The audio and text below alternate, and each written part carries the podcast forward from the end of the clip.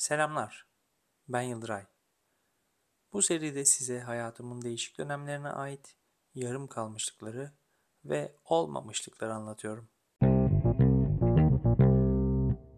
2002-2005 yılları arasında İzmit Gazi Lisesi'nde okudum ben. Karikatüre meraklıydım. Gene lise gösterileri için skeçler yazardım. Bazı açık oturumlara davet edilmişliğim, insanları çok acayip güldürmüşlüğüm vardır. Kafelerde arkadaşlarıma küçük komedi gösterileri yapardım. Karikatür beni İstanbul'a, o dönemin popüler mizah dergisi Penguin'in amatör günlerine getirdi. Haydarpaşa'da indirdi, Beyoğlu'nda gezdirdi.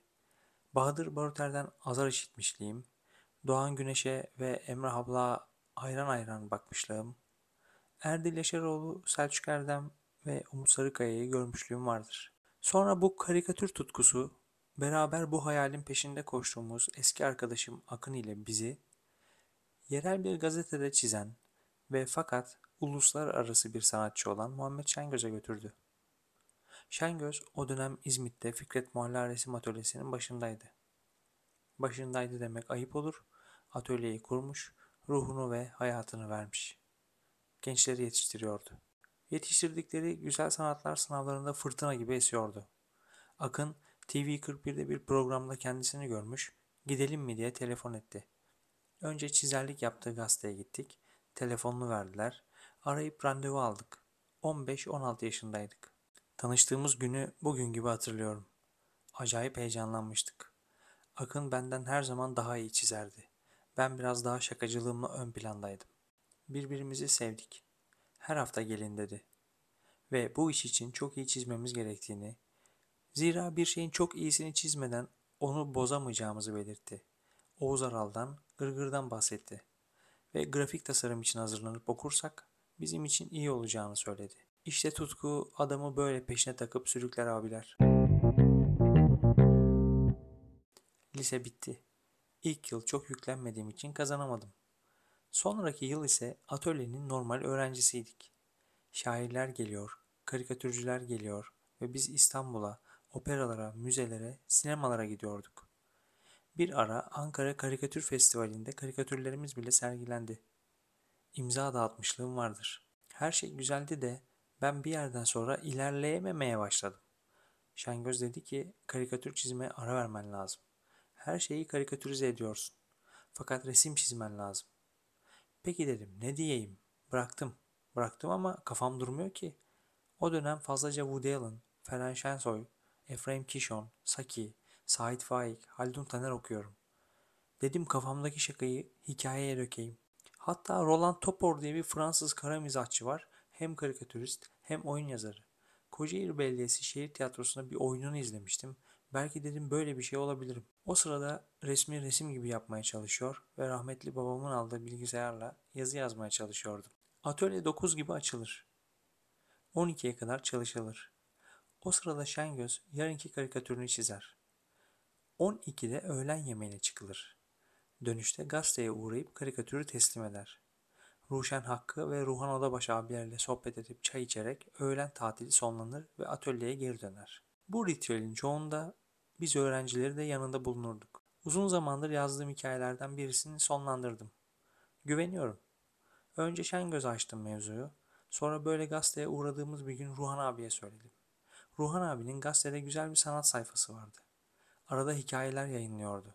Dedim ben miza hikayesi yazıyorum. Size yollasam seversiniz, yayınlarsınız belki. O kadar tatlı adamdır ki hiç kırmadı beni. Yolla tabii dedi. Yolladım. Ertesi gün çok güldüm dedi.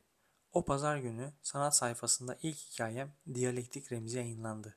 Belki bir ara kendisini sizin için okurum. Oku diyorsanız oku yazıp 22-22'ye yollayın. Bana pek etkisi olmaz ama sizin için zahmet olur. Benim çok hoşuma gider. Ben o günden sonra iki haftada bir hikaye yayınlatmaya başladım. Pazar gününün gazetesi cumartesi gecesinden dağıtılıyor. Ben de gece gidip marketten alıyorum. Büyük keyifle kendi adımı, hikayemi görüyorum. Ne heyecanlı günlerdi. 2008-2011 arasında İzmit'te bir yerel gazetenin sanat sayfasında başladığım mizah hikayeciliğim aynı gazetede bir mizah köşesine evrildi. Bir maket yaptım. Gazetenin sahibi ve genel yayın yönetmeni İsmet Çiğit'e gittim. Çok güzel olur, yapalım dedi. Adı Kabare İzmit'ti. Aynı liseden ve resim atölyesinden arkadaşım olan Koray ile her hafta birbirimize takıldığımız, karikatür çizdiğimiz, mizah hikayeleri, muhalif yazılar yazdığımız neşeli, yarım sayfalık bir alandı. Tabi bu arada üniversiteyi kazanmıştım ve İstanbul'a taşınmıştım. Zaman aktı, hikayeler birikti. Günlerden bir gün Kocaeli Yüksek Öğrenim Derneği bir mizah hikayesi kitabı yarışması açtı. Üf dedim tam zamanı. 30'dan fazla hikaye var. Kimi kısa, kimi uzun. Neredeyse 150-200 sayfalık bir mizah şöleni. Tamam dedim ben de. Katılım koşulları şöyle. Hikayeler daha önce kitap olarak basılmamış olacak. Bir rumuz yani takma isim belirlenecek. Hepsinden 5 kopya yapılacak. Kasım'ın 31'i mesai bitimine kadar teslim edilecek. Aranızda bilenler vardır. Kayöt, İzmit Merkez Bankası'nın yanındaki binanın en üstünde denize karşı kocaman hoş bir yer. İzmit şehrinde bir aydınlanma olursa buradan başlar. Şair, yazar, sinemacı gelirse burada söyleşir. Panel olursa burada olur.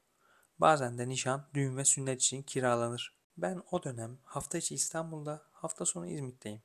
Bu bir ritüel. Haftanın yorgunluğunu atıyorum. Annem yemek yapıyor, yiyorum, film izliyorum, okuyorum. Tam kopamamışım İzmit'ten. İnsanları görüyorum, iyi geliyor. Bir rumuz buldum kendime, Çakal Yüz. 200 sayfadan 5 kopya yaptırdım. 1000 sayfa. Sıkı da para verdim. Bir tek teslim etmek kaldı. Yani son teslim günü benim İzmit'e döndüğüm bir akşama denk geliyor. Ne olabilir? O yüzden kargoya verip acele de etmedim. Hem fazla da masraf olsun istemedim. Son gün geldi çattı. İşlerimi atlattım. Geç bir saatte de olsa bindim otobüse. Hikayeler yanımda. Gece 10 gibi vardım İzmit'e. Herhalde birileri vardır ve bana bir kıyak yaparlar diye düşünüyorum. Halk evi durağında indim. Köyde doğru yürüyorum. Gayet tedirginim. Yüksek katlı bir bina. Merdivenlerimi çıktım, asansöreme bindim tam hatırlamıyorum. Hatırladığım tek şey hikayeleri teslim edeceğim kata yaklaştıkça bir oyun havası sesi almaya başladım. Ben yaklaştıkça arttı. Yaklaştıkça arttı. Kata geldim. Kapıyı bir açtım. Önümden hızlıca bir halay geçti.